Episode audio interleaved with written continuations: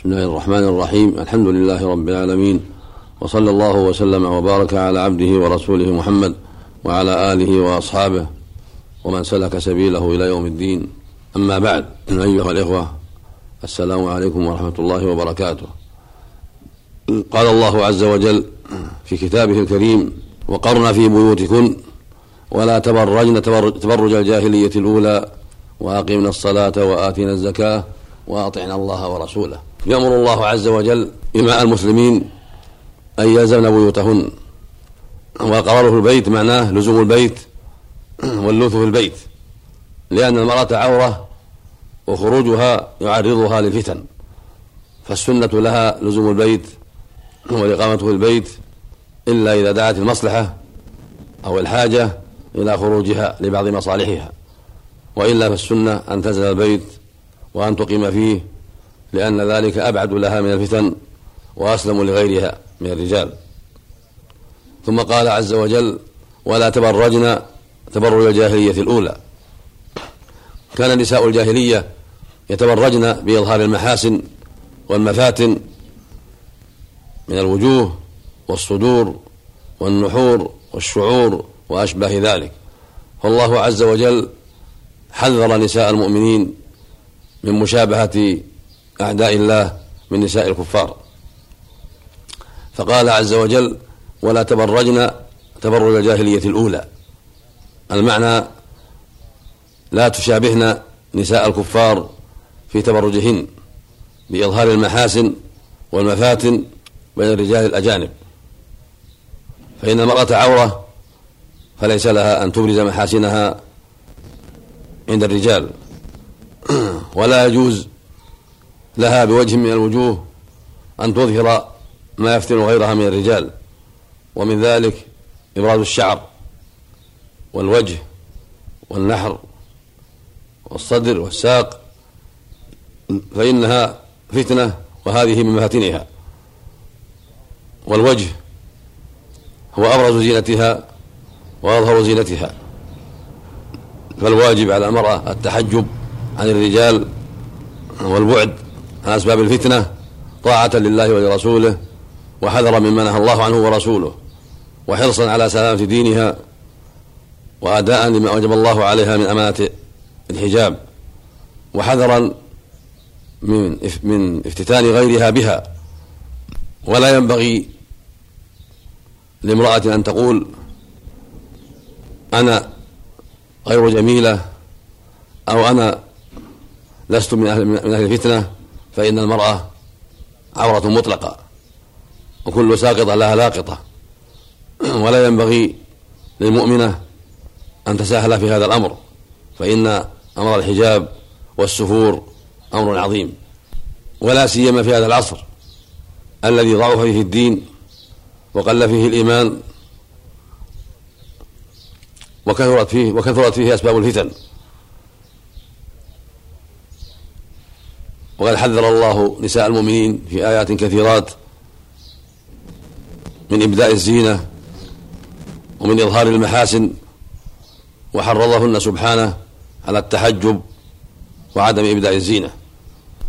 قال الله عز وجل يا أيها النبي قل لأزواجك وبناتك ونساء المؤمنين يدنين عليهن من جلابيبهن ذلك أدنى أن يعرفن فلا يؤذين وكان الله غفورا رحيما.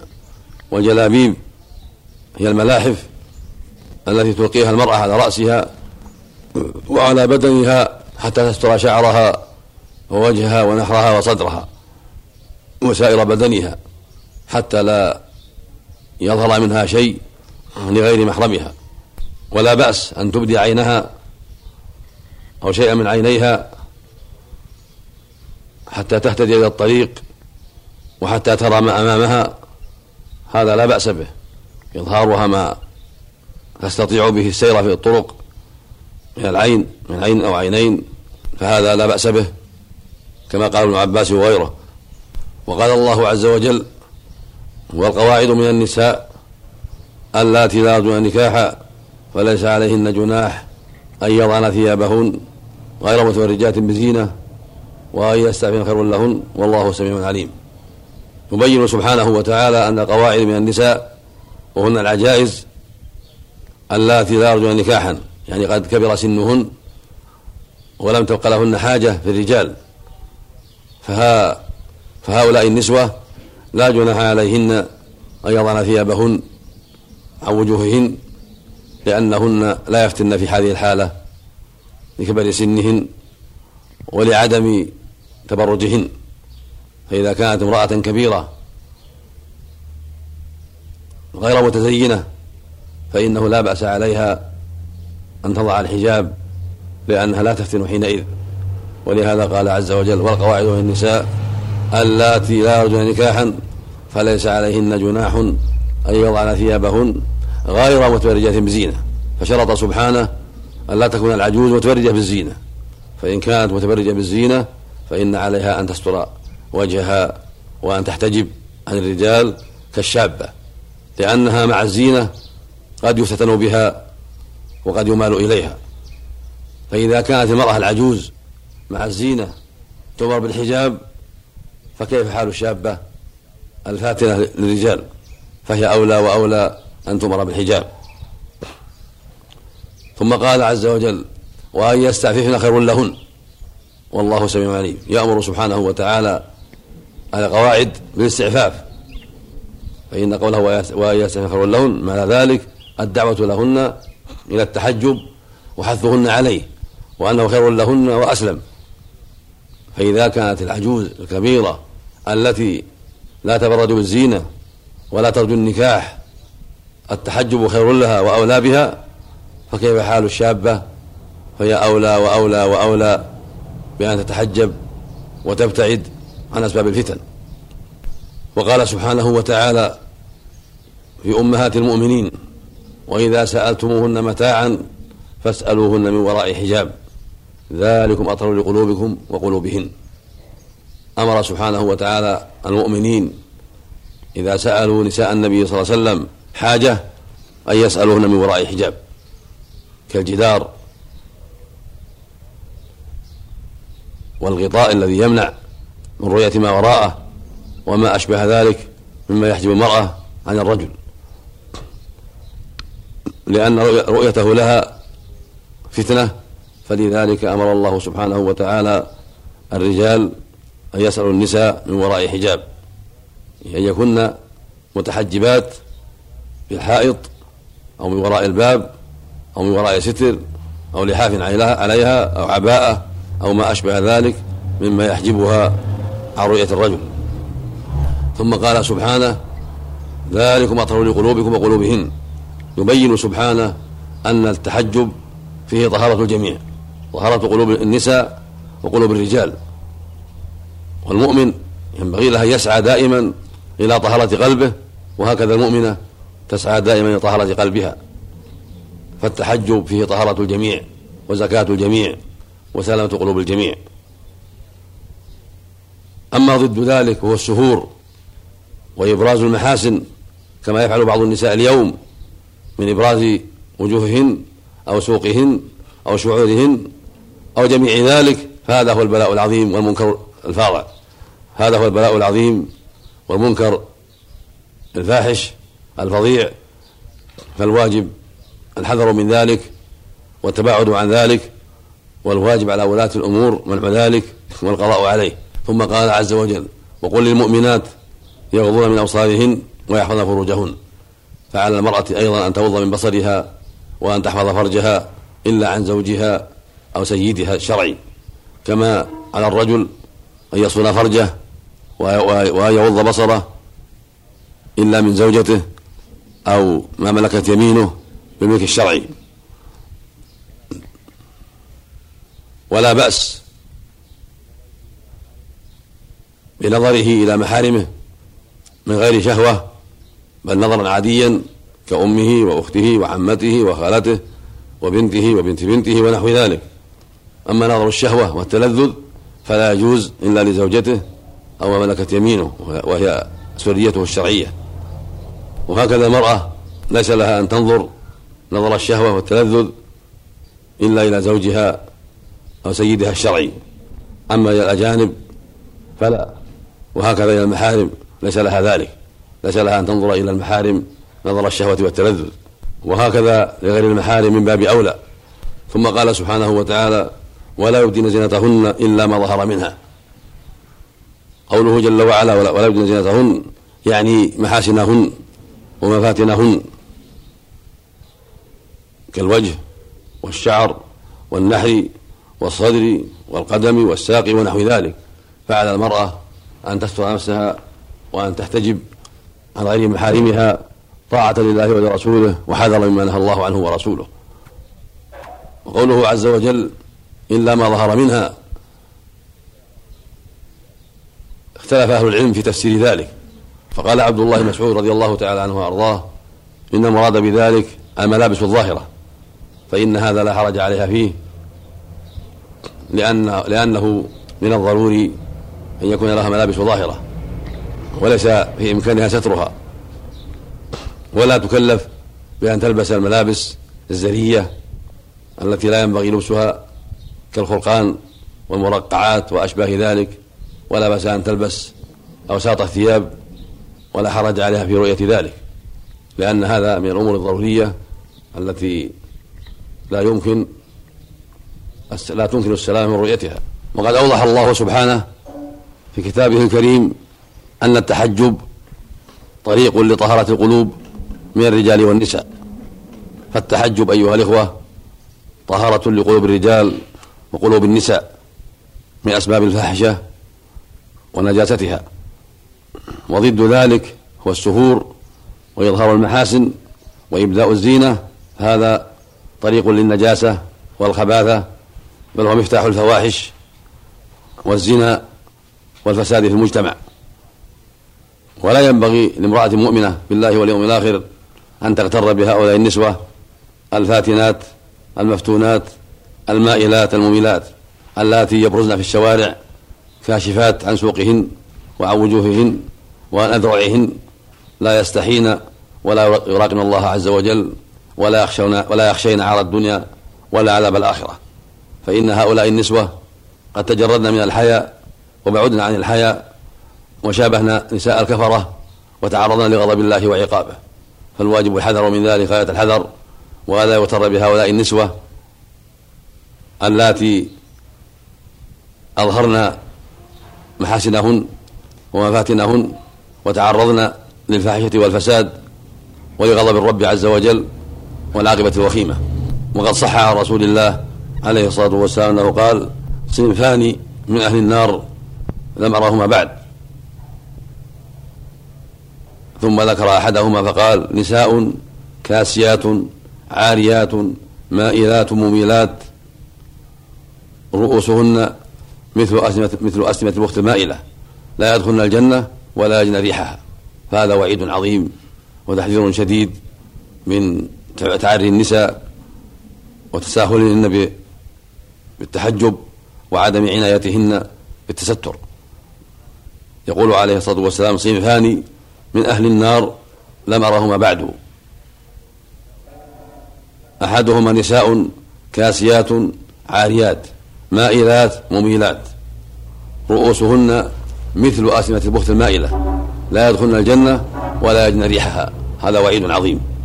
فقوله نساء كاسيات عاريات قيل معناه أنهن كاسيات من نعم الله عاريات من شكرها بسبب إظهارهن محاسنهن وعدم تحجبهن.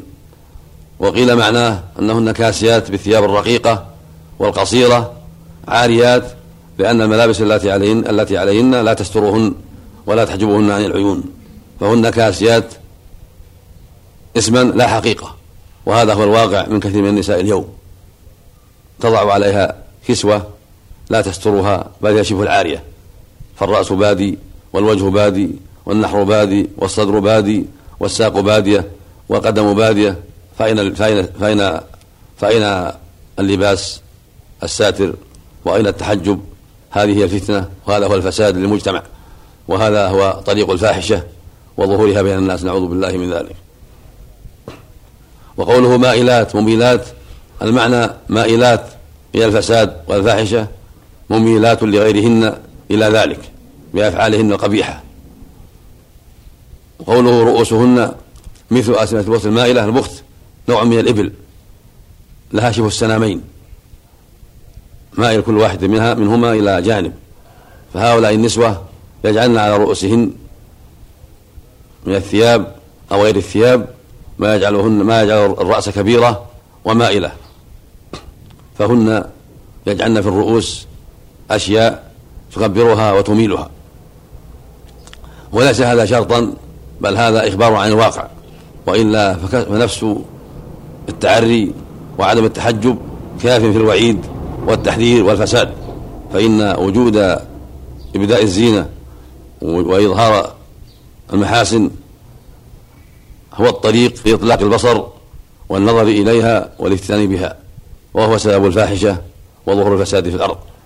وقوله عليه الصلاة والسلام لا يدخلن الجنة ولا يجن ريحا. هذا وعيد عظيم وتحذير شديد من تعاطي النساء ما حرم الله عليهن من السفور وإبداء المحاسن وإظهار المفاتن وهذا واجب عليهن تقوى الله في ذلك ومراقبته سبحانه والحذر من أسباب غضبه وذلك بالتحجب والتستر وعدم, وعدم إبداء شيء من الزينة فتكون ساترة وجهها ساترة رأسها ساترة جميع بدنها لا تبدي من ذلك إلا ما بحاجة إليه لأن, لأن تعرف الطريق وتهتدي في الطريق كإظهار عين أو شيء من العينين على طريقة تقيها العثور في الطريق وتمكنها من الاهتداء في الطريق ولكنها لا تسبب الفتن ولا تدعو إلى الفتنة.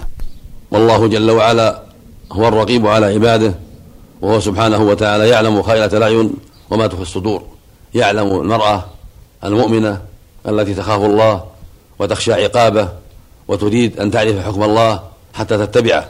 فهذه يرجى لها الخير فإذا نبهت تنبهت وخافت من الله ووقفت عند حد, عند حد الله عز وجل. ويعلم سبحانه المرأة التي لا تؤمن بالله ولا باليوم الآخر ولا تبالي بما حرم الله ولا تستحي من الله ولا من عباد الله. فهذه ربها لها بالمرصاد وهو القادر جل وعلا على هدايتها وعلى إهلاكها. وهو سبحانه وتعالى لا تخفى عليه خافية وقد يملي ويمهل ولكنه لا يغفل سبحانه. فعلى هذه فعلى هذه المرأة أن تحذر مغبة عملها وأن تحذر عقاب الله لها وأن تبادر إلى التوبة والرجوع إلى الله والحياء منه ومن الناس حتى لا تقع فيما يسبب هلاكها وعذابها في الدنيا والآخرة. ونحن اليوم في زمان قد استحكمت فيه غربة الإسلام وكثر فيه أعداء الإسلام وغلب فيه اتباع الهوى وغلب على الناس أيضا تقليد الكفرة تقليد الكفرة تقليد الرجال والنساء جميعا. قد غلب على الناس التقليد لأعداء الله من الكفار رجالا ونساء في الملابس وغيرها. والرسول عليه الصلاة عليه الصلاة يقول من شبه بقوم فهو منهم. فإذا كان الرسول عليه الصلاة والسلام قد حذرنا من مشابهة أعداء الله فكيف نقتدي بنساء الكفار؟ وكيف نتشبه بنساء الكفار؟ والرسول حذرنا من ذلك عليه الصلاة والسلام. الواجب تقوى الله والحذر من مشابهة أعدائه في كل شيء. وأن نكتفي بما شرع الله لنا وبما أباح الله لنا ففي ذلك السلامة والغنيمة والعاقبة الحميدة وطهارة القلب وزكاته وسلامة المجتمع ونزاهته. وأسأل الله عز وجل أن يهدي رجالنا ونساءنا جميعا إلى صراطه المستقيم وأن يمن على الجميع بالفقه في الدين والاستقامة عليه. وأسأله أيضا أن يوفق ولاة الأمر للأخذ على أيدي السفهاء والمنع مما حرم الله عز وجل ولا سيما ما يتعلق بالنساء فإن خطرهن عظيم وفسادهن كبير إذا أطلق لهن السراح ولم يؤخذ على أيديهن فيما يتعلق بالسفور وغيره. فالواجب على ولاة الأمور أن يهتموا بهذا الأمر العظيم وأن يأخذوا على أيدي النساء في منعهن من السفور وإبراز محاسنهن وإلزامهن بالتستر والتحجب حتى يسلم الجميع من غضب الله وعقابه وحتى يؤدي الجميع ما وجب الله عليهم من إنكار المنكر والإلزام بالحق. وأسأل الله عز وجل أن يعين ولاة الأمر على ذلك وأن يصلح لهم البطانة وأن يوفق الجميع لما فيه رضاه. وصلاح المجتمع إنه على كل شيء قدير. والسلام عليكم ورحمة الله وبركاته. وإلى اللقاء في حديث آخر إن شاء الله. وصلى الله وسلم وبارك على عبده ورسوله سيد المصلحين. وإمام المتقين وعلى آله وأصحابه ومن سلك سبيله إلى يوم الدين.